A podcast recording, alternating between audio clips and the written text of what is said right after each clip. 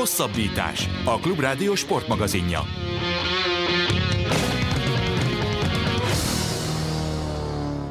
Nagyon sok szeretettel köszöntöm a kedves hallgatókat. Ez a hosszabbítás állandó hétfői sport beszélgetős műsorunk.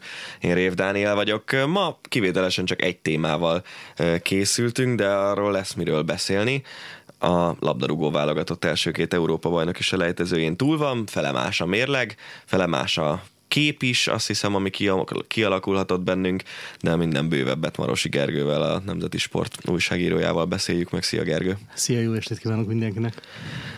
Időrendi sorrendben érdemes egyáltalán menni, vagy inkább fordított időrendi sorrendben, vagy, vagy a szép hát, dolgokat akar, venni, ha, és a csúnyákat ha eltitkolni. Mint a klasszikus filmforgatókönyvek, akkor Szlovákiában kezdünk. Jó, kezdjünk Szlovákiában.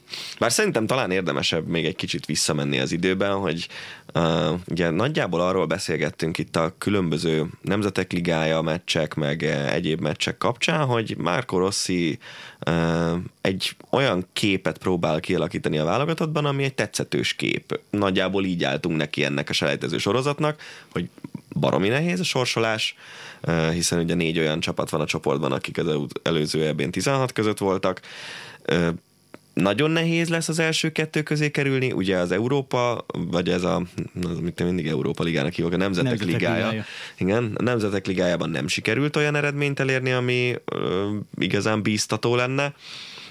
Viszont a játékképe az úgy tűnt, hogy főleg hazai pályán rendben van. És akkor elkezdődött ez a selejtező sorozat, és nagyjából hasonló módon folytatódott a dolog. Idegenben elég gyenge játék, rossz eredmény, hazai pályán egy kiemelkedő eredmény, ami az elmúlt 30 évben is kiemelkedőnek számít, és a játékképe is azért egy fokkal jobb volt. Mi történt Szlovákiában szerinted? Miért nem lehetett mondjuk Szerintem azt teljesen... a játékot pályára tenni, mint amit itthon? Jó kérdés. Szerintem teljesen papírforma történt olyan szempontból, hogy egy a magyarnál valószínűleg valamivel erősebb csapat. Mondjuk nekünk nincs egy Skriniarunk, uh-huh. aki azért már most is mondhatjuk, hogy világklasszis védő, és két éven belül az egyik legnagyobb csapatban lesz, ha nem fél éven belül. Valószínűleg, ami a világfutballban van, és nekünk azért nincs ilyen játékosunk jelenleg, és egyébként is azért van egy, van egy különbség abban, hogy hol edződnek a szlovákok, és hol mi otthon voltak, jobban játszottak, úgy azért valamivel, tehát veszélyesebbnek mindenképpen veszélyesebbek voltak, és lélektanilag nagyon jó pillanatban rúgták a gólt, ami minket nem megfektetett, én úgy láttam. Uh-huh. És és igazából semmi különös nem történt, csak kikaptunk egy olyan ellenféltől, ami hazai pályán valószínűleg erősebb nálunk. Uh-huh. Ettől függetlenül nyilván ez fájdalmas azoknak, akik kimentek mondjuk. Nyilván ez érzelmi okokból is a rivalizálás okán is nagyon fontos mérkőzés, és és nyilván nem is feltétlenül festett olyan nagyon jó képet a mérkőzés. Főleg abban, hogy a magyar válogatott mondjuk helyzetet, olyat, ami azt mondom, hogy ezt most kiátszották, és tényleg nagy helyzet, nem is nagyon tudott kialakítani. Gyakorlatilag három, három igazán veszélyes akcióra emlékszem vissza, mind a három abból jött, hogy Willi Orbán lefejelt valakit az ellenfélni egy felivett labdánál. Uh-huh. Nyilván teljesen mindegy, hogy miből születik a gól, csak ugyanakkor, Lásd hogyha még egy... Pátkai gólya a horvátok ellen. Így van. Ugyanakkor, ha mondjuk egy csapatnak 40 percen keresztül mennie kell az eredmény után, akkor nem rossz, hogyha ki tud dolgozni azért helyzeteket. Nem mintha a szlovákok nagyon sokat dolgoztak volna ki, de azért a jobb a többet és jobb minőségűt. És, és ez igazából ennyi volt, és én attól féltem, hogy ennek rossz lesz a folytatása uh-huh. is. Már csak azért is, mert egyrészt mindenki felpörög Szlovákia ellen, idegenben, sok szurkoló elmegy, nagy a várakozás, szurkolóknak kiemelten fontos nyilván a mérkőzés. Ehhez képest vereség, nem is annyira jó képpel, és, és hát Utána még a csapatkapitány gyakorlatilag fogja magát, és a Szalai Ádám beolvas a csapatnak a vegyes zónában. Erről amúgy kíváncsi vagyok a véleményedre, hogy erről mit gondolsz, mert uh, Szerintem kétféleképpen lehet ezt a dolgot fölfogni. Az egyik olvasat, amit én láttam a, akár a Facebook kommentekben, vagy bárhol, az az, hogy egy csapatkapitány ilyet nem mondhat, és a, a más szemében a szálka, az enyémben a gerenda se esete állt fönn Szalajnál. A másik olvasat, amit meg én valamilyen szinten gondolok, hogy azért az, az látszik az elmúlt 5-10 évből, hogy Szalai nem egy hülye gyerek. Tehát ő neki a gondolatai... Hát neki is mondja. Igen, te, ez egy dolog, és, hogy és, ami, kimondja. és ami Szalai Ádám kimond, az nem is, tehát nem, Azok egy nem radikális, hülyeségek. és, és, nem radikálisan különböző változat a valóságtól. Így van, ez az általában közel áll a valósághoz. Ha nem is száz százalékban Igen, fedi tehát le. lehet, hogy csúnya a kép, de adott esetben Pontosan. realisztikus. És, és pont ezért gondoltam azt, hogy, hogy lehet, hogy azért is fogalmazott ennyire erősen Szalai, mert egyrészt igaza volt, legalább részben. Másrészt pedig ezzel próbálta alágyújtani a tüzet a csapatnak. Én azon gondolkozom, hogy ezt ő felmérte csapatkapitányként, Igen, igen. ami egyébként a feladata is. Igen. Hogy, hogy mit csinálhat, és a horvátok elleni mérkőzésen a reakcióból nekem az mutatkozott meg, hogy ez bejött. Ez bejött.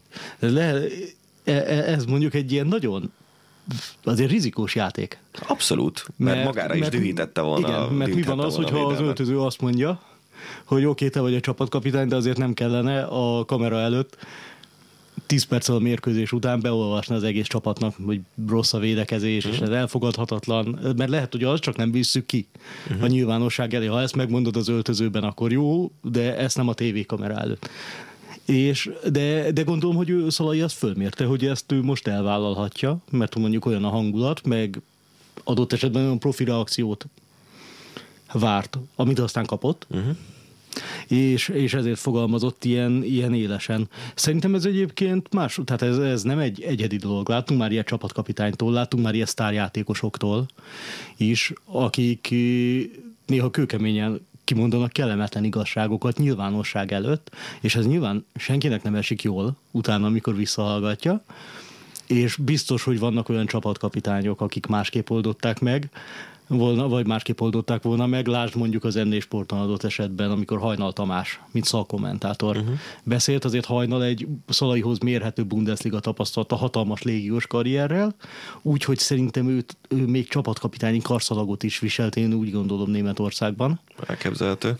mint, mint ha nekem ez rém lenne, itthon aztán már egészen biztos, tehát volt ilyen szituációban. Ő azt mondta, hogy ő ezt nem vitte volna ki az öltözőből, uh-huh. tehát ez szerintem teljesen egyéni. Habitusbeli én például tudom, hogy viszonylag konfliktus kerülő vagyok, én ezt nem vittem volna ki. Uh-huh. De simán el tudom képzelni, hogy mások meg beleállnak, Szalai beleállt, és tulajdonképpen igaza lett, mert az a reakció, amit kapott, az egyértelműen jó volt, és nem úgy tűnt, tehát a horvátok ellen nem úgy tűnt, hogy a sértődött emberek mászkálnának Szalai Ádám mögött. Igen, pont ezt akartam mondani, hogy itt azért nem az volt, hogy mondjuk Szalai gólját kevésbé ünnepelték meg, mint Pátkai ég, vagy ilyesmi, hanem úgy tűnt, hogy egyben van a nem, csapat. és azért, ha ilyen mondjuk öltözői szakadás van, azt azért látni a reakciókból a pályán általában, és semmi ilyennek nem volt nyoma.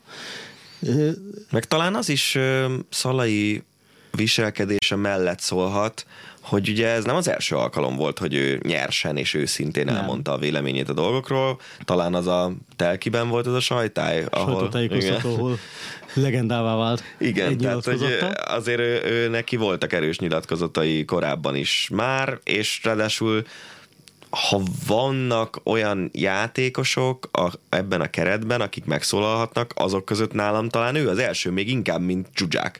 Talán azért, mert a, az ő karrierje az egy olyan karrier, amit egy ilyen átlagos képességű magyar játékos kihozta magából a Igen, legtöbbet Szalai karrier. Ádám fölmutat a táblára, és az van rajta, hogy 200 valahány Bundesliga mérkőzés. Igen. Na most ezt szerintem bármilyen magyar növendék futbalistának 8-tól 12 évig elmondod, ez kezét lábát törne, hogy egyszer lenne nem 200, hanem 100 Bundesliga mérkőzése. Mm.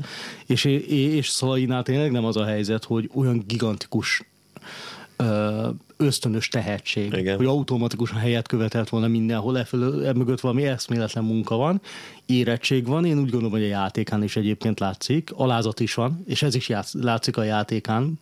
Plusz jó testalkata van ahhoz a poszthoz, ahol játszik, Így van, ez egyértelmű. így van, és teljesen megtanulta azt, hogy az ő posztján ebben a játékstílusban mit kell csinálnia, uh-huh. és ezt végrehajtja, és akkor ezek után én is úgy gondolom, hogy hogy mondhat, tehát ha kell, akkor adott esetben kritizálhatja. Ezt nyilván neki kell fölmérni, ezt lehet öngól, és lehet, hogy az arcába robban, mint Tom és Jerrynek, Tom, a Tomnak a, a doboz, amikor így kinyitja, Igen. és akkor így óriásit robban az arcába. Ez is lehetett volna a végeredménye. Én biztos vagyok benne, hogy volt hasonló csapatkapitány nyilatkozat, aminek ez lett az eredménye, hogy mondjuk az öltözön belül elfordultak tőle a többiek, ő ezt felmérte, jól mérte, felbejött. Öm, a védelem vagy a, vagy a kapus volt a gyengébb ezen a Szlovákia ellen idegenbeli meccsen szerinted? Kapus problémát én nem láttam. Mert hogy olvastam olyan véleményt is, ahol a kapust kritizálták, hogy ha... Hát a második gólnál nem nézett ki jól senki. Hát, hát a második igen. gólnál nem nézett ki jól ki Korhut Mihály, akit nagyon megforgatott Rusznyák, és nem nézett ki Gulácsi sem jól. Mert rövid de alsóban ugyanakkor, volt. Igen, a rövid alsóban, de ugyanakkor egy nagyon hirtelen lövés volt, elment az előtte kitakaró védő lábai között, tehát mit látni is, amire meglátta, addigra már teljesen mindegy volt szinte. Szóval ne, nem, nem hiszem. Egyébként még azt sem hiszem, hogy így egyéneken kellene elverni a port uh-huh. azon, a, azon a mérkőzésen. Nyilván azért Márko Rossi milyen változtatásokat végrehajtott a horvát mérkőzésre, az ott mutatta, hogy mivel volt elégedetlen és vagy kivel volt elégedetlen, vagy kinél ítélte meg úgy, hogy mondjuk megviseli a mérkőzést, tehát mondjuk Korhut önbizalmának biztosan nem tett jót, uh-huh. hogy az első gól az ő oldaláról jött a beadás, bár nem ő volt a közvetlen, idézőjelben felelős érte. Mhm. Mindig, mindig nagyon könnyű így kipécézni valakit. Persze. Hogy, hogy, hogy ki volt a hibás, aztán a másodiknál viszont nagyon csúnyán megforgatták, és az egész meccsen szenvedett ott a, a szlovák jobb oldallal igazából egyik se volt. Tehát védekezésben tényleg voltak olyan hibák, amiket egy ilyen szintű ellenfél kihasznál. Uh-huh. Tehát az, hogy mondjuk 8 magyar van a 16-oson belül nagyon mélyen. Van 5 szlovák. De ehhez képest, hogy 8 az 5-ös emberfölény van, a jobb szélső az teljesen szabadon adhatja meg be a labdát, mert a 8-ból az egyik ember úgy, gondol, úgy nem megy ki rá eléggé, vagy nem elég agresszíven támadja meg, és ezért elég nagy terület nyúlik, és ahol berúgja a labdát, ott meg kettő a kettőben vannak, és erre tényleg mondhatta a Szalai Ádám, vagy mondhatja azt más, hogy ez így nincs rendben, mert ez így nem normális, mert vagy oda kellett volna érni blokkolni a beadásba, vagy még valakinek közbe kellett volna nyúlni, vagy többen kellett volna ott lenni a, be, a beadást váró emberek között. Tehát ilyen, ilyenekkel lehet. Igazából Marco Rossi azt mondta, hogy visszanézte többször, és, és azt nem tudta megállapítani, mi az, ami kimondottan rossz. Uh-huh. És, és ebben egyébként van valami, mert amíg a szlovákok nem rúgták az első gólt, én nem éreztem különösebben veszélyesnek őket, sőt, sőt, mondjuk középpályán állandóan szenvedtek azzal, hogy több magyar nyűsgi körül őket, de ez a két formáció közti különbségből adódott elsősorban, és Lovrencsics Gergőnek volt egy rakás jó beadási lehetősége a jobb oldalról, amiket nem éltek, aztán megszerezték az első gólt, és onnan gyakorlatilag, hát ha nem az, hogy vége volt, de, de, de a szlovákok egy elég kényelmes helyzetbe kerültek, és egy olyan magyar csapattal találták szembe magát, ami elég tompa volt támadásban. Uh-huh. Aztán ennyi. Igazából tehát nem is emberre tudom, nem is a formáció. Na, beszéljünk egy kicsit a formációról, mert ez ugye változott egyik meccsről a másikra. Az első meccsen a szlovákok ellen megpróbálkozott eh, Rossi az általa kedvelt három belső védős, két eh, futó, föl, oda-vissza futó szélsős rendszerrel, ahol ugye Korhut és Lovrencsics játszotta be a széleket, és egyébként a csapat maradék része az inkább középen töbörült. Ez a horvát meccsre visszaállt egy normális, vagy normálisabb, át, megszokott, igen, Magyarország, Magyarországon, Magyarországon megszokottabb négy védős rendszerre. Miért nem működik a magyar játékosokkal a 3-5-2?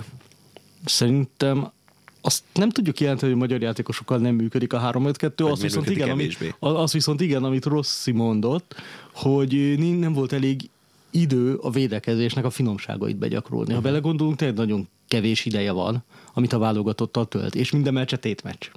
Ugye ezt a formációt már játszotta a Nemzetek Ligájában, de és még csak azt sem mondom, hogy a, a, szlovák az egyértelműen sokkal erősebb csapat lenne azoknál, amik ellen játszotta. Mégse igazán jól működött. Szerintem ennek az egyik az egyik oka az, hogy Magyarországon ez nem megszokott nem megszokott az, hogy három belső védő, azért most már jóval elterjedtebb, mint né- néhány éve, de Magyarországon a négyes védőlánc az elterjedt. De, de várjál, viszont azok a játékosok, akik a, a, a védő hármasunkat alkották, ők nem Magyarországon játszanak, ha jól mondom. Igen, és van, aki nem is Magyarországon szocializálódott. Igen, az egy másik kérdés, mint, persze. Mi, De azért mi, Kádár is már vagy persze. lassan tíz éve külföldön játszik, Vili Orbán ugye német, mondjuk ki, Szóval Igen, de... náluk, se, náluk se bevett, vagy ők se játszottak ilyen rendszerben korábban? Szerintem ez, ez azért elég mélyre visszamegy, hogy egy klubcsapatban egy pont olyan klubcsapatban játszik-e valaki, uh-huh. aki ezt játsza, uh-huh. ezt a játékrendszert. És ha igen, akkor jó, mert akkor begyakorolja az ezzel járó automatizmusokat és mozgásokat és finomságokat, és tudja, hogy hogy kell helyezkedni, merre kell kimozogni, hogy kell segíteni, mi az, ami fölösleges, mi az, ami veszélyes, mi az, ami a formációban úgymond filozófiailag benne rejlő probléma, aki meg nem, mondjuk, mert egész karrierje során 95%-ban négy védős rendszerekben játszott, az lehet, hogy ebben igaz, idegenül mozog.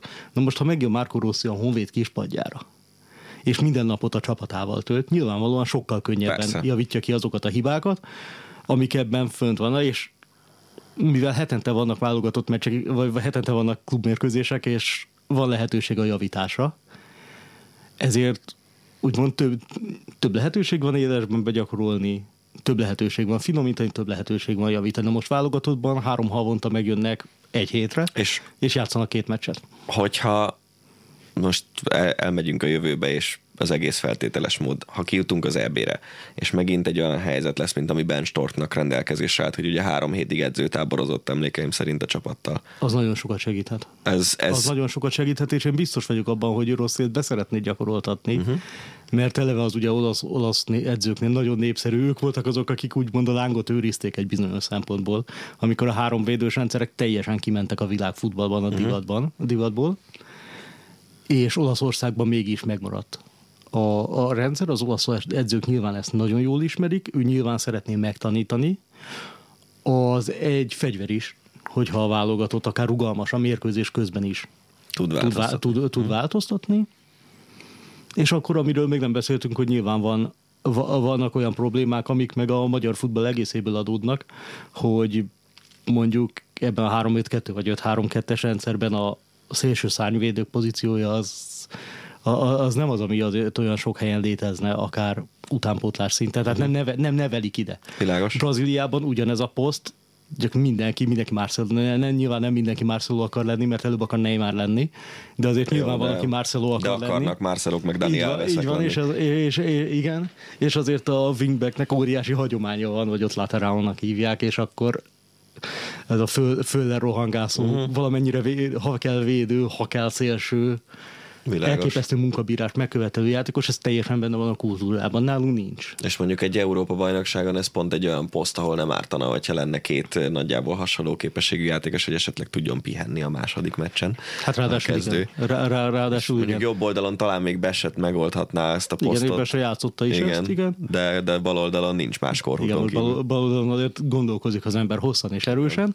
és amikor a múltkor gondolkodtunk így hosszan és erősen másokkal, akik rendszeresen írnak a magyar futballról, akkor avval jutottunk, hogy hát ha van poszt, ahol egy honosítást belelátunk a jövőbe, az vagy legalább hát, az, az, az, le, az lehet, hogy ez igen, mert egyszerűen... És van egyébként olyan játékos, aki jönne szívesen? Nem tudok róla. Ja.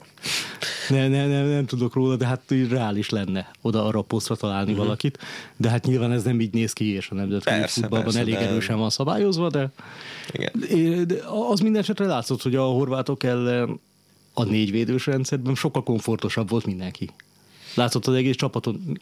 Miért? Mert sokkal többet gyakorolták, sokkal uh-huh. jobban ben voltak. Ezt játszották Dárdaival, ezt játszották Storkkal. Meg ezt játszották gyerekkorok óta ezt játszották, gyere, a, igen, tehát legalábbis döntő többségben ezt játszották, és, és így, azért, így, így azért könnyebb. Nyilván, hogyha mondjuk egy szövetségkapitány leül a belga válogatott kispadjára, ahol ahol megvan, hogy milyen formációban képzik a fiatalokat, de mondjuk a felnőtt válogatottnak ehhez nem feltétlenül kell minden esetben uh-huh. alkalmazkodnia. Ők viszont olyan szintű játékosokat nevelnek ki, akik valószínűleg rendelkeznek azzal a taktikai rutinnal, meg érettséggel, hogy könnyebben átképezhetők, vagy könnyebben átadható, begyakoroltatható velük egy ilyen játék. Pedig azt hittem, hogy George Léken szarakta le a mai belga futball alapjait. Ő legalábbis ezt állítja. Na, még egy dolog a szlovák meccsről, amiről szeretnék beszélni, Szoboszlai szerepe. 18 évesen bedobják a mélyvízbe, úgyhogy U21-es válogatottban már játszott egy pár meccset, ha jól tudom. Igen, de szinte kategóriát ugrott. Igen, tehát hogy ő, ő ugye, ugye ő most még U17-ben volt meghatározott, U19-ben még játszhatna. Így van, sőt, ugye most voltak az U19-es selejtezők. Igen. Tehát elvileg oda, oda lett volna meghívása. Igen, igen. Csak aztán Márko Rossi fölhívta a nagyokhoz, illetve már eleve oda hívta be az állválogatottba. Tegnap este a Sport TV-ben eh, vendégszerepelt Kim Rasmussen női kézilabda szövetségi kapitány, és volt egy beszélgetés arról, hogy különböző játékosok hogy kerülnek be a válogatottba, meg most ugye a junior világbajnok csapatból nagyon sokan hirtelen felnőtt válogatottak is lettek egy éven belül. És azt hiszem talán, hogy Borsos Attila mondta azt, hogy a válogatott az arról szól, hogy függetlenül attól, hogy ki hány éves, a legjobb a kézilabdában 14, fociban 11 plusz 11 Lehet, hogy a játékos 17 játszott. éves pelét sem lett volna érdemes kihagyni a brazil válogatottból. Valószínűleg nem lett volna. De azért ez nagyon szokatlan magyar futballban, főleg, hogy egy 18 éves srác Sajnos. bekerül, Sajnos. Hát sajnos, vagy nem sajnos, de azért De persze, szerintem a fociban persze 18 szokatlan. évesen azért nagyon más Eleve ez, ez, jó, egy persze ez mindenhol, ez mindenhol nagyon fiatal lenne az Igen. a kor, amiben Szoboszlai bekerült. De Szoboszlai egyébként egy olyan kiugró tehetsége a magyar futballnak, hogy ez indokolt? Én erről meg vagyok győződve, hogy igen. Uh-huh. Igen, igen. Tehát az a, nem is tudom, az érettsége, rúgó technikája, ahogy játszi, látja a szituációkat, a passzjáték, a technikai tudása. Tehát minden olyan volt, hogy hogy ne, ne, nagyon nehéz véleményt formálni azért az ilyen különböző U-válogatottak alapján, főleg, hogyha az még U17 vagy 19. Mert hogy nagyon azért fiatalok az Nagyon ellenfelek. fiatalok, és nagyon, igen, és most nem tudom, valaki nagyon korán megnőtt és accelerált fejlődésű, 1 méter 96 per 91, és mindenki lepattan róla, jó. Attól nem biztos, hogy nagyon jó felnőtt játékos lesz. Uh-huh. De ugyan, tehát, tehát azt azért lehetett látni, hogy Szoboszlai kiemelkedő, azt is, hogy nagyon tudatosan építik a, a karrierjét. De és, az osztrákok, vagy a Red Bull hát ez nyilván, a, intézmény nyilván a, de az nyilván egy családi döntés is, hogy Persze, persze, nem, kereste. nem erre gondolok, hanem az, hogy, hogy a csapata először a má- osztrák Igen. másodosztály, Persze, aztán osztrák persze, hát a első Red Bull osztály, és Salzburgnak az, az, az, az érdekli, hogy. Szoboszlai Dominik, Egyszer 50 millió igen, így eurót van, tehát. Szoboszlai Dominik egyenlő x millió euró. Igen. Ezt szeretnék kihozni belőle. Igen. Ha ez alatt megy el, akkor az nekik nem jó, mert nem azért dolgoznak. Nyilván ők tudják, hogy nem csúcsagadozók a nemzetközi futballban. De mondjuk iszonyú- lehet, hogy a Lipcse ez csúcsagadozóvá válik. Vi- Viszont idővel. iszonyú pénzt beledobtak a, a futball projektbe, hihetetlen jó körülményeket teremtenek, és az egész rendszert arra optimalizálták, hogy topligás játékosokat neveljenek, uh-huh. és ebből sok pénzük legyen. Uh-huh. Na most ennél jobb hegy gyakorlatilag szerintem a fejlődésre nem kell, mert itt aztán itt be fognak dobni, csak tudjál úszni. És egyelőre úgy néz ki, hogy tud úszni. Uh-huh. Aztán, hogy ebben lesz-e törés, vagy túl sokat várunk-e, vagy túl sok a hype körülötte. Ez, e- ezek nekem így kérdőjelek. Nem, nem tudom, nagyon nehéz eldönteni, hogy hol van a határ. És hogy ez hogy csapódik le a játékosban egyáltalán. Hát igen. Azt Mert Ezzel volt le szerintem nagyon sokszor probléma, mert a német Krisztián féle U20-as bronzérmes csapatból is én azt láttam már akkor, amikor még nem is voltak szerintem U20-as bronzérmesek, hanem csak német Krisztián 17 évesen NB1-ben sztár lett, hogy nagyon nem tudták kezelni ezt a ezt a helyzetet, Igen, hogy ők és a- nagyon fiatalon sok pénzt kezdtek el keresni, ismertek lettek, jó csapatokba szerződhettek. Jó csapatokba Elmondha- szerződhettek, elmond- tehát elmondhatod pontosan. magadról 18 évesen, hogy a Liverpool játékosa vagy. Azért egy óriási dolog Magyarországról indulva. valószínűleg a középiskoládban kevés lány mondott nemet, és, és, ezzel marha nehéz lehet megküzdeni, és ez kívülről is, és nyilván a saját felelősségünk is benne van. Tehát ez a sajtófelelősség is, hogy hogy kezeled, vagy mennyire hype de hol, tehát egyfelől van egy igény, mert a közönség is várja úgymond az új sztárjátékost, és nyilván információt akar, érdekességeket akar, minél többet. Ugyanakkor meg tényleg Bojan Krikic volt az azt hiszem, uh-huh. aki, aki utána után idegösszeomlást is kapott egyszer, vagy valami nagyon hasonló, meg valami komoly mentális problémával Igen, igen, igen. Hát neki az új Messi ö, volt Igen, a megkapod, a, bélyege. megkapod ezt a bélyeget, hogy te vagy az új Messi. Na most ez kit, ne, kit nem nyom agyon? Ez Igen. kit nem nyom agyon? És neki még a között is választani kell, hogy milyen országot képvisel. Igen. És amikor ezt kell eldöntened, 17 évesen te vagy az új Messi, és el kell döntened, hogy éppen a szerb válogatott vagy spanyol válogatott szeretnél lenni, akkor- és egyébként reális volt az U eredményei alapján, mert megdöntötte Messi gólrekordjait a és Barcelona akkor, akkor, akkor, utánpótlásban. akkor, akkor ez szerintem nagyon keveseknek a fejét nem zavarja meg. Igen. iszonyatosan erősnek kell lenni ahhoz, hogy ezt, ezt kibírja. Eleve 17 évesen már az, hogy a média állandóan foglalkozik veled. És ez mondjuk Szoboszlai Dominiknál még csak nem is az a szint, mert hát nem arról van szó, hogy a magyar újságok mondjuk tábort vertek Salzburgban.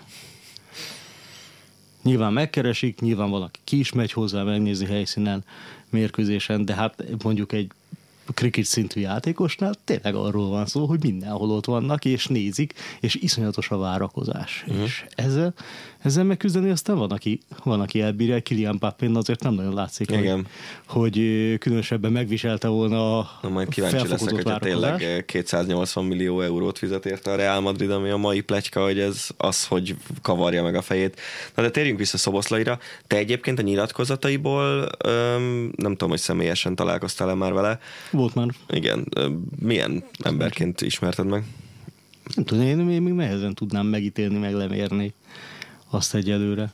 Azt, azt azért látom, hogy, hogy van benne egy olyan tudatosság, ami ehhez biztos, hogy kell, ahhoz, hogy érvényesüljön. Uh-huh. És meg az, hogy most, hogy ezt önbizalomnak nem, nem is tudom, tehát önbizalom és még valami, uh-huh. hogy, hogy ő tudja, hogy jó. Uh-huh. És ezt nyilván lehet adott esetben arroganciaként is értékelni. És ezzel most nem azt mondom, hogy ő arrogáns, de ez nyilván ez egy finom határon igen, mozog, igen, hogy ki az, aki azt mondja, hogy én kimegyek a pályára, és tudom, hogy jó vagyok, tudom, hogy tudok, hogy még fejlődik, de akkor is tudom, hogy tehetséges vagyok, jól focizok, vagy mi az, amikor már átmegy egy határon, de, de, de ez benne van, és ez szerintem kell az érvényesüléshez, mert különben, hát nézd meg, most Salzburg azért nem az, hogy Szoboszlai Dominik oda megy, és kiemelt elbírálás kap.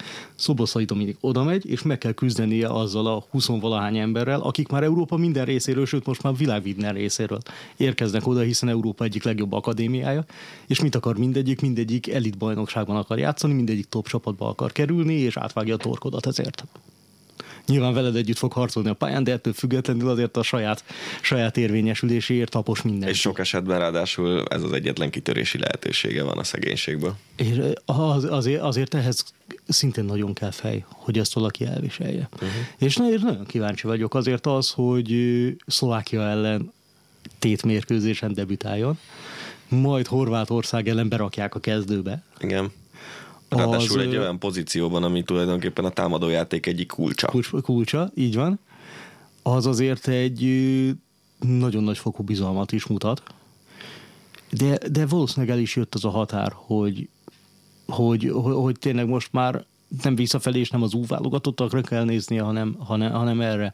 Azt hiszem a belgáknak van erre egy ilyen szabály, hogy ha te már játszottál magasabb szinten, akkor nem mész vissza. Uh-huh. Tehát ha te lehet, hogy 17 éves vagy, de behívtak az első csapatba, akkor többé te nem mész vissza az U válogatottakba. Uh-huh. Maximum, ami nagyon kiemelt esetben nem hát tudom, ugye lesz nekünk egy hazai rendezésű U21-es ebénk, ha jól emlékszem. Igen.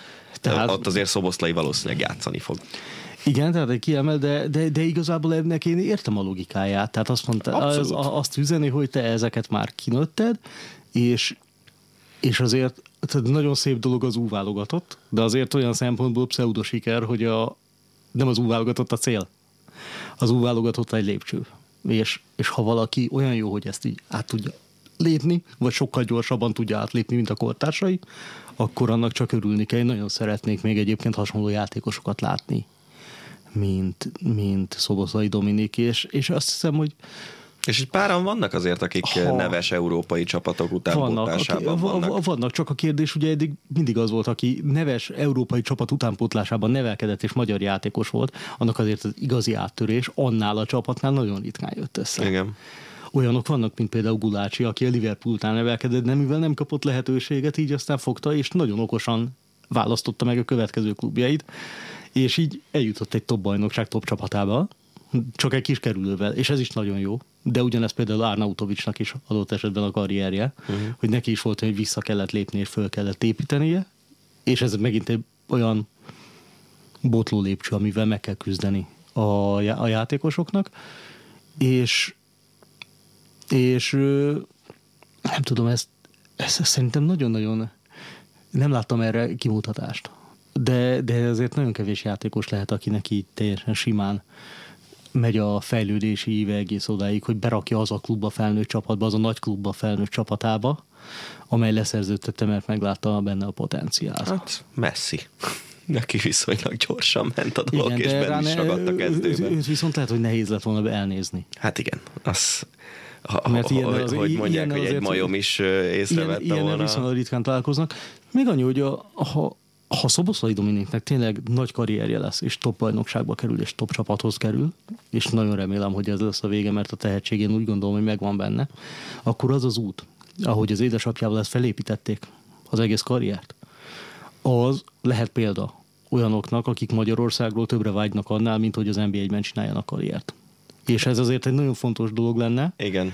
És, és ez egy nagyon fontos példa lenne, és ugyanakkor azt is üzeni, hogy olyan csapatba menjél, amelynek érdeke az, hogy a fiatalokat játszassa minél hamarabb, minél jobban fejlesz, minél jobb körülmények között, hamar bedobja őket, mert így kapnak érte jó pénzt, és próbálj meg ebben helytállni, és nem biztos, hogy az a hogy elmész a Manchester City-be, ahol a világ összes részéről összevásárolják az ifi csapatot, és a Manchester City ifi csapatából nem lesz senki Manchester City játékos, Igen. ami azért problémás. Hanem kölcsön adnak a Championshipbe, meg a harmadosztályba, és ott vagy 50 a, meccsen keresztül agyon rúgnak. Igen, vagy lehet a Chelsea 87. kölcsönadott játékos a Vitesse Arnhemben. Igen. Jó, hát Szoboszlait kibeszéltük, úgyhogy térjünk rá akkor a horvátok elleni meccsre, ahol ugye öt helyen változtatott Marco Rossi a szlovákok elleni kezdőcsapaton, Um, igazából szerintem a küzdőszellemmel, meg ezekkel a dolgokkal már azért egy jó ideje nincsen probléma a magyar válogatottnál, vagy legalábbis ritkán nagyon, van. Rit, nagyon, nagyon ritkán, én, én nagyon ritkán emlékszem. Most nyilván egy mondjuk egy szlovákia elleni viszonylag sima vereség után nagyon könnyű azt mondani, hogy fölállunk és verjük az asztalt, hogy mert nem küzdöttek a fiúk, és, és nincs bennük a szív és az alap. És Így van. Tehát ez, ez, ez nagyon könnyű, ugyanakkor én ilyen hozzáállásbeli problémát nem láttam azon a mérkőzésen. Egy nem jól játszó magyar csapatot, azt megláttam. Tehát a kettő között azért van különbség. Igen. Emlékeim szerint Rossi az Észtország elleni idegenbeli mérkőzésen akadt ki eléggé a 3-3-as döntetlen hogy azért úgy nem lehet. És talán ez volt tényleg az egyetlen, amikor így azért nézett az ember, hogy itt nem biztos, hogy mindenki száz százalékig ott van a pályán, vagy legalábbis ez az érzet jött le. Most viszont azért a küzdőszellem Szlovákiában sem volt rossz, és azt a gondolom, hogy... ellen meg Hát a horvátok ellen nyilván meg... nem tudott rossz lenni. Szerintem azért ilyen hangulatban... Ez egy ilyen, ez egy ilyen kölcsönhatás szerintem. Igen, igen. Az ez biztos, és azért az, az eredményeken elég élesen látszódik. Most igen. beszéltünk arról, hogy rossz statisztikai kettős pont, Persze, de azért a... A hazai pályán nyer, idegenben nem. Talán mióta Egyelőre. a Grupa Marénában játsza a magyar válogatott az, a hazai meccseit, azóta itthon azért vállalhatatlanul nem fociztunk. Ne, nem, sőt. Egymás után négy tét meccset megnyert otthon a válogatott, ilyen nagyon régen volt. Igen és és, és, és úgy, hogy általában jól is játszik hazai pályán. Nagyon kíváncsi leszek amúgy, hogy összelátadják az új puskást, hogy ott oda át lehet elmenteni ezt a hangulatot. Mert Igen, azért, ez kérdés azért a nagyon más a viszonylag korlátozott befogadó képességével azért tud egy katlan hangulat. És ez, ez nagyon sokszor megvan ez a dolog, hogy, hogy mondjuk van egy kisebb akár csarnok, akár stadion, ahol megvan a hangulat, kialakultak az a szokások. Aztán elmennek pontosan, a nagyba, aztán azt meg nehezebben meg lakja be a csapat. Igen. Igen. Szóval biztos volt valamilyen kölcsönhatás, hogy azért egész elképesztő hangulattal látom, de a csapat is hozzájárul. Sőt, még azzal is, hogy amikor Horvátország vezetés szerzett elég korán, akkor mindenki legyinthetett volna azt mondani, hogy á, ez is elmegy. Igen. Igen és én leszek az első, aki elismerem, hogy én nem tettem volna föl összeget a magyar válogatott győzelmére azon a mérkőzésen. Pedig Már 0 0 sem, pedig sokat keresettem volna, így van. De, de ehhez képest két dolgot láthattak. Az egyik, hogy annak ellenére, hogy a magyar csapat hátrányban van, ugyan, ugyanúgy folyik tovább a játék, tehát semmi jelen nem volt annak, hogy ilyen megrendi, megrendültek volna ettől különösebben, szépen játszották ugyanazt, amit addig, és, és aztán, ahogy így egyre, egyre több lehetőség nyílt, úgy, úgy azért a közönség is egyre jobban rákapcsolt gól után természetesen, és akkor onnantól gyakorlatilag ez így már egymás pörgett. Tehát a második fél időben olyan szerelések, meg olyan elképesztően agresszív letámadások voltak időnként, amit én nem tudom, hogy mikor láttam magyar válogatottól. És főleg ilyen erős ellenfél ellen, főleg ilyen képzett játékosokkal szemben. Igen, ez volt a furcsa talán, hogy a, szerintem bármelyik klubcsapat a világon azt mondaná, hogyha egy Modric Rakitic belső középpályás párosom van, akkor olyan nagyon rosszul... még mögé, aki Igen, akkor... 300 perc után még mindig fut és szerel. Igen. Szóval, hogy ez egy jó alap egy csapathoz, nem? Bármelyik, a világ bármelyik Ezt csapata bárki elfogadná. elfogadja. Szerintem a világ bármelyik válogatottja, és valószínűleg bármelyik klub csapata elfogadná azt a középpályát, ami a És mégis van. most Modric meg Rakitic, akik azért hétről hétre a magyar csapatnál jóval erősebb klubok ellen is játszanak. Mondjuk is sokkal jobb játékosok. Sokkal mint jobb játékosok, ez nem kérdés. Nem, nem tudtak semmit csinálni gyakorlatilag. Nem, ezt, ezt nem tudom, hogy a horvátoknak van egy ilyen egy ilyen reputációjuk, hogy a selejtezőkön mindig irgalmatlanul tudnak szenvedni, aztán a végén miután már kapitányt váltottak valahogy kijutnak valahova, és utána a tornákon meg nagyon veszélyesek, mert ott már szívják magukat, és azért van meg azért nyilván egy, egy, megnyer, vagy egy nem megnyert világbajnokság, de egy VB ezüst VB döntő után, után nehéz újra fölpörögni Igen, és, és akarni például, a dolgot. Például Modric, Modric mostani szezonján azért szerintem egyértelműen mm. látszik VB ezüst és aranylabda után, hogy nem is az, hogy nem is az, hogy rossz, hanem inkább valahogy tompa, tompa, hmm. vagy fáradt. Egy kicsit legalábbis nekem ezt a benyomást kelti. Ez is meg én pontosan ugyanazt éreztem ezen a meccsen, mint amit a, a bajnokok ligájában éreztem a Paris Saint-Germain Manchester United meccsen, hogy a Paris Saint-Germain, ami egyszerűen jobb játékosokból álló jobb csapat, mint a Manchester United jelen pillanatban, és ezt mondjuk az Old Traffordon meg is mutatta, Igen. mert meghökkentő simán győzött a visszavágón, mintha egy pillanatig, így, mintha így leírták volna, mi úgyis jobbak vagyunk, és nem is nagy képűség, hanem ilyen veszélyérzet hiánya volt uh-huh. a mhm. pályán. És mire megérezték a veszélyt, addigra már régről szólt nekik. És valahogy ugyanezt éreztem a horvátoknál, hogy hát úgyis jobbak vagyunk. Jó egyenlítettek, de, de úgyis jobbak vagyunk. És egyébként is, még ha ne, jobbak is vagyunk, nem biztos, hogy nyerünk, de azért egy döntetlenre jó lesz. Aztán, amikor már kettőre vezetett Magyarország, akkor, akkor onnantól kezdve már lehetett kapkodni, de azt meg iszonyú nehéz fölpörgetni, hogyha így szépen azt belealtatod magad a mérkőzésbe, és így hirtelen baj van, úgyhogy hát nem a semmiből, de, de viszonylag váratlanul becsap a ménkű, és akkor utána gyorsan van még 18 percet valamit kitalálni. Ez, ebbe azért elég sok nagy csapat belefutott már szerintem. Meg mindenféle sportágban ez Mindenféle. Érvényes. Most igazából mihez hasonlított? Newcastle Unitednek volt egy meccs a Manchester City ellen. Az volt ilyen, hogy semmi, semmi az égvilágon semmi nem mutat arra, hogy itt a Newcastle-nak bármi esélyének kellene, hogy nyerje. Legyen ehhez képest megnyertek, és megnyerték, és a, amire a City észbe kapott, addigra már nyakig ült a szószban. És a szezon végén ilyen meccseken szokott a bajnoki cím elmenni Igen, most lehet, hogy ez, és ráadásul és, itt most a szezon az 8 meccsből áll. 8 meccsből áll, tehát ez, a, ez nagyon kellemetlen helyzetbe hozta a horvátokat, akik egyébként csomó... már Azerbajdzsán ellen is szenvedtek, szenvedtek, pedig elvileg ugye mindenki úgy állt ez a az csoporthoz, hogy az azerieket mindenkinek meg kell vernie. Igen, és akkor ezek után azért a horvátoknak ez kellemetlen, mert innentől nagyon oda kell figyelniük minden meccsen, mert még eljátszák ezt a trükköt egyszer, azon már elkezdenek bajba kerülni. Igen. És, és szerintem itt azért a többség úgy számolt, hogy hát ebből a csoportból csak kiemelkedik Horvátország és az már, ha arra számoltak a csapatok, hogy a horvátok majd szépen elvernek mindenkit, na az már nem jött be. Valószínűleg egy, egyébként egy olyan szituáció jön, ami szerintem nekünk jó. Mert mi erőből nem tudjuk ezt a csoportot lenyomni. Tehát azt szerintem, bár csak tévednék, de azt, de azt azért én nem várnám, hogy Magyarország hét győzelemmel és egy vereséggel zárja a sejtősorozatot, és bélyeget úgy belenyomja az elcsoport csapatait. De ha így lenne, albumban. akkor bélyeget csinálnának a csapat akkor, emlékére akkor, egész, akkor egész biztos. Tehát a, a, a magyar válogatottnak az esélye arra, hogy mondjuk megszerez az első két helyet, az, hogy ilyen orbitálisan nagy körbeverés és káosz kezdődik És valami 4-1-3-mal másodiknak és, lehet lenni. Igen, és erre szerintem minden esély megvan, mert egyébként meg elég kiegyensúlyozottak a csapatok, uh-huh. és, és hát a következő meccsünk Azerbajdzsánban lesz a fogalma, tényleg az, amiről lövésem nincs, hogy... Egy olyan helyszínen, ami már kész EB helyszín. Kész EB helyszín, nem játszottak még otthon ebben a sorozatban, csak kettőre kaptak ki a horvátoktól, tehát ők még most elhiszik, hogy akár nekik is lehet valami uh-huh. esélyük, igen, ez egy elég egy... nehéz meccs lesz így. Igen, ugyanakkor a magyar válogatott eddig, amikor Azerbajdzsánba ment, akkor általában jól, jól jött ki a dologból. Uh-huh. Ugye annak idején 90-es években egymás után kétszer is játszottunk velük. Nem Ebből az egyik meccs nem volt, lehet. ami megszakadt a közvetítés, De az egyik mérkőzés volt a megszakadt orosz gyerekmese jött be? Orosz gyerekmese, igen, meg minden állítólag a, a moszkvai központon keresztül valahol el, elment a kép, és ott volt, a, a, arra emlékszem, hogy az a az volt az a stadionkép, amikor rendbontásra biztos nem gondoltam volna, mert így volt mondjuk egy szektorban, nem tudom, 8000 katona.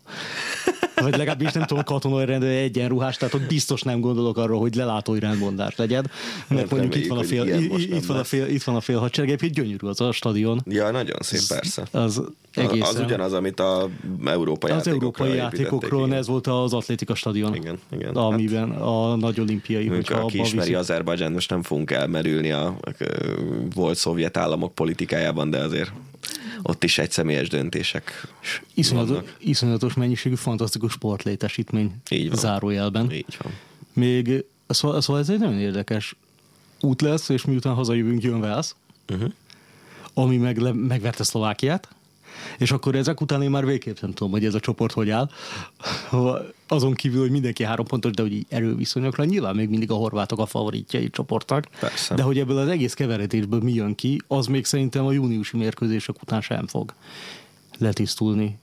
De én azt mondtam a szlovák meccs után, hogy én ebbe érzem azt, hogy négy meccs után akár még nyeretlenek is lehetünk. Most meg azt érzem, hogy négy meccs után akár lehetünk kilenc pontja is a magyar válogatottnak. Uh-huh mert mert ha megveri egy csapat Horvátországot, akkor ebben a csoportban kitől kell félnie.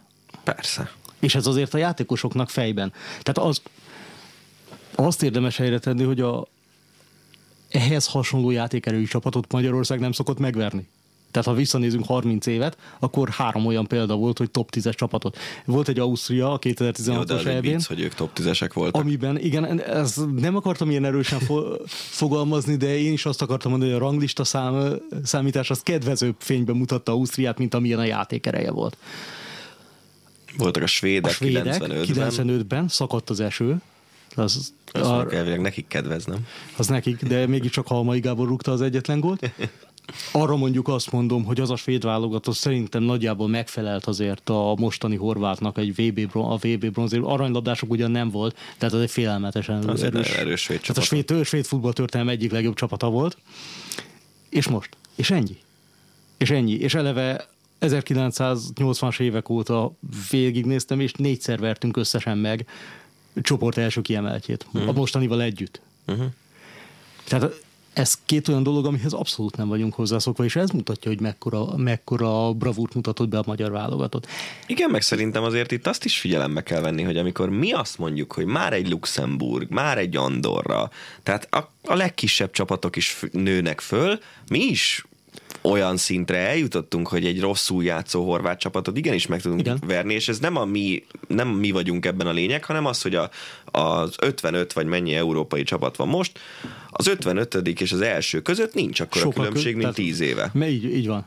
Így van, és pláne mint 20 éve. És, sokkal és hogyha ezt le, leszűkítjük mondjuk az első és 40 közötti különbségre, vagy akár a tizedik és a 40 közötti különbségre, ott meg aztán bármi lehet olyan, olyan, olyan meglepetés most már azért nehéz szerezni szerintem az európai futballban, amitől így kiesik a székből az egyszerint tévénéző. Igen. Andorra Magyarország az pont ilyen volt.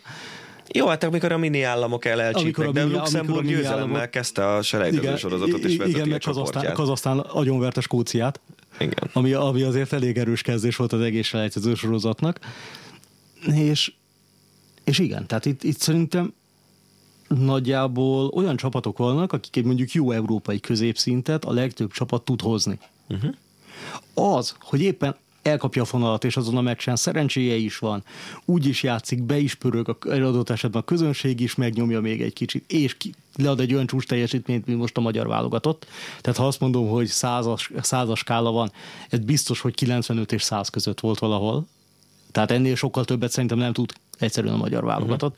Uh-huh. Ha, ha többet tud, az, az mondjuk az, hogy több góllal ver meg egy Horvátországot úgy is, hogy dominál. Ezt azért még nem tudom elképzelni. Uh-huh. Tehát nagyon közel voltak a képességek határához ezen a meccsen. És és hát, és amikor nagyon rossz napja van, akkor meg, akkor meg Andorra adott esetben. Igen. De jó, az extrém rossz nap, de ha nem is olyan szintű, de mit tudom én, akkor meg szenved Ferőer ellen látványosan. És mondjuk x velük. Uh-huh. És az viszont egy teljesen az még csak nem is az az abszolút gigantikus égő kategóriájú mérkőzés. És ez egyébként jó vált. Szerintem Szerintem jót tett az európai futballnak. Ja, persze. Hát szerintem az nem is kérdés, és, hogy izgalmasabb. És én, és én fáztam attól, amikor felemelték az EB létszámot, azon kívül, hogy nekünk jó, és nekünk persze. jó, és azt mondom, hogy tényleg lesz olyan 20, és tudtak azért egy olyan EB-t játszani. Nyilván az érintettségünk az az, az, az adott egy óriási pluszt. Azt szerintem sok olyan meccs volt azért ezen az előző ebén, ahol amit úgy őszintén magamtól nem néztem volna meg ilyen Nem. Észak-Írország Wales, az már ráadásul kieséses körben van, nem Ne, negyed ne, döntő. nem, de ugyanakkor meg ugyanakkor meg azt, azt lehetett látni, hogy egy, ne, egy Albánia, igenis van azon a szinten, Igen, hogy komoly igen. problémákat tud okozni szinte bármelyik csapatnak, ami szembe jön vele egy Európa-bajnokságon. Igen. És Luxemburg tud Franciaországnak gondokat okozni egy, egy adott napon. Szóval, szóval ez így adott esetben jó, és hát ennek mi mind a két oldalán kijöhetünk, tehát néha kapunk egy akkora pofont, hogy szédelgünk belőle egy évig. Uh-huh. Most meg ennek kíváncsi vagyok, hogy mi lesz a hatása. Ez Ezt nyilván... akarom kérdezni, hogy itt a következő kör, ez az azeri Velszi kör, ami júniusban lesz, ez ennek neki tudunk úgy menni, mondjuk két és fél hónapos emlékekkel, hogy ide nekem az oroszlánt is, mert mi megvertük a horvátokat, vagy azért Szerintem ez azért megmarad. lecseng? Szerintem az azért ez megmarad a játékosokban. Azért még a rutinosok is ehhez hasonló válogatott győzelmet keveset éltek át. Ami mondjuk ilyen erős ellenfél ellen, ilyen hangulatban született meg. Szerintem ez még azoknak is extrém jó élmény lehetett, akik kint voltak az Európa-bajnokságon, vagy a norvégok ellen játszottak a pótselejtezőkön. Uh-huh. Ez biztos, hogy bennük lesz. De most ha ezt át tudják menteni, és győzni tudnak Azerbajdzsánban, az meg hoz még egy megkönnyebbülést, hogy úgy mondja, egy kötelezőt. Ezek után a Velsz elleni mérkőzés nagyon érdekes lesz. Egy szerintem a magyarhoz nagyon hasonló szintű válogatott a plusz Ramsey és Bale, de hát De azért az, a, a Velszi játékosoknak a nagy része nem a Premier League-ben játszik kis csapatokban? És játszik. de, ez, de azért ott van szóródás. Aha. Mert főleg most, hogy főleg, hogy most azért fiatalítottak sokat, tehát eszméletlen jó képzést kapnak nyilván, de azért nem arról van szó, hogy följön ellenünk 11 Premier League meghatározó uh-huh. játékos. Akár kis csapatokban. De, de, de annyira ne, tehát Szerintem Wales, Magyarország és Szlovákia az viszonylag hasonló szinten van. Valószínűleg Wales és Szlovákia egy nagyon picivel előrébb mindig. Mhm. Mm-hmm. De ha Horvátország el, Magyarország el tudtak tüntetni a különbséget, Akkor akkor, ezzel az erővel el tudja tüntetni. Amitől én tartok, az az utazás ebben az esetben. Ugye megint dupla játéknap van, uh-huh. megint egymás után jönnek a meccsek, és amilyeknek el kell repülni előbb Azerbajdzsánba, aztán hazajönnek, míg ha jól emlékszem, akkor Wales előttünk Zágrában játszik. Merjel, ezt mondjuk meg tudjuk nézni. Aha, Én úgy emlékszem, hogy 8 Zá- Zágráb, ők egy Zágráb Budapest turnét csinálnak. De Na nem utaznak haza közben. nem utaznak haza közben, azért ez a verszieknek ilyen szempontból jóval egyszerűbb, és, és én ettől fázok egy kicsit. Nyilván ezen más is át fog menni a dupla játéknapok miatt. Azerbajdzsánban szerintem ilyenkor senki nem szeret repülni, ők se, de, de azért még mindig most Azerbajdzsán, mint novemberben, nem? Vagy ez nem egy ilyen hideg égövi? te valami nem tudom, elvileg már, az, elvileg már a november hideg. Aha. Ez még jó meleg lesz azért. Ez- Me- me- meleg, melegszeles, és fújja majd a porta szél. Na mindegy, hát majd meglátjuk, hogy mi lesz. Egyébként, ha elvonatkozhatunk a mi csoportunktól, azért a többi csoportban is láthattunk olyan eredményeket, amiket már itt mondtál, hogy a kazahok elverték Skóciát, meg Izrael elverte az osztrákokat négy lőtt góllal. Anglia legyalulta Csehországot 5 Igen.0 ami azért ne, nem, is, nem is az, hogy Anglia megveri Csehországot, mert hát az angolok most éppen egy úgy nagyon jó generáción ülnek, úgymond, sőt inkább használják, mint ülnek, de hogy 5 0 egy cseh válogatottat. ami az- egy az- európai középcsapatnak igen, számít. igen, igen, az, az azért igen szép eredmény, vagy hogy mondjuk Németország nyerni tud 3-2-re Hollandiában, úgyhogy megszabadult három abszolút kulcsjátékosától Joachim Mhm. Löw. Ez, ez így azt mondom, hogy jól kezdődik. Igen.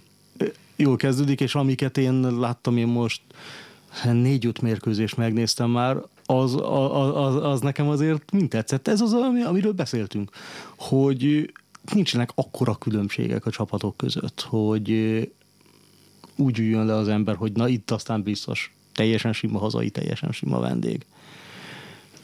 Be, belegondolunk, van egy V-Global Football nevű hát egy tulajdonképpen statisztikus kollektíva, akik futballstatisztikák valószínűség számítással foglalkoznak, hogy melyik csapatnak van ö, nagyobb esélye mondjuk megnyerni egy meccsen, és akkor így egy ilyen dinamikusan változó rendszert alakítottak ki.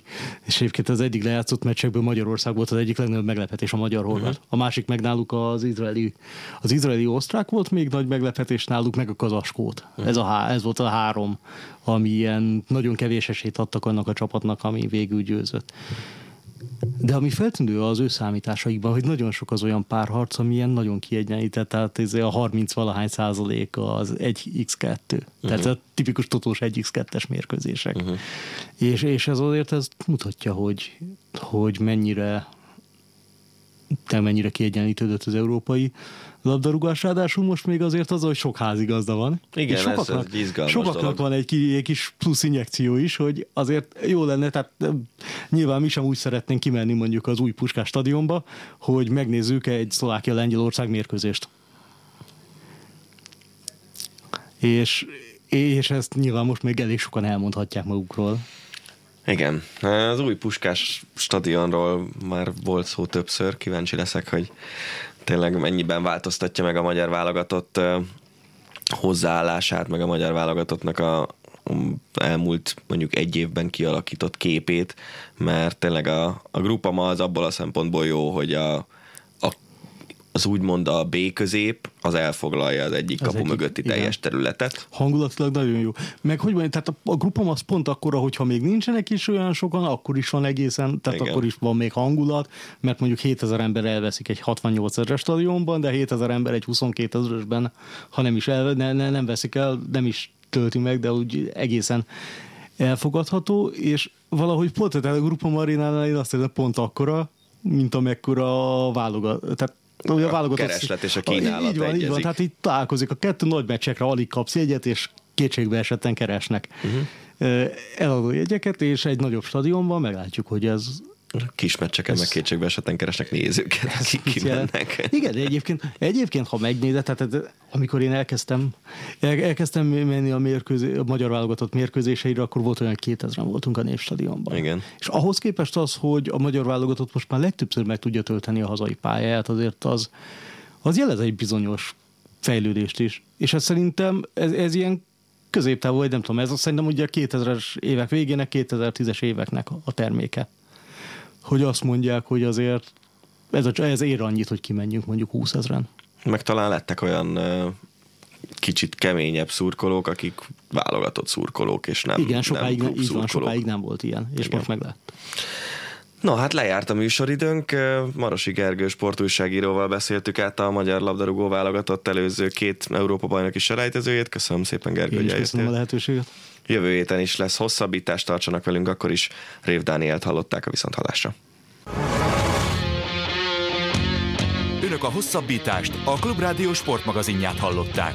Az elhangzottakról bővebben is olvashatnak a hosszabbítás.hu weboldalon.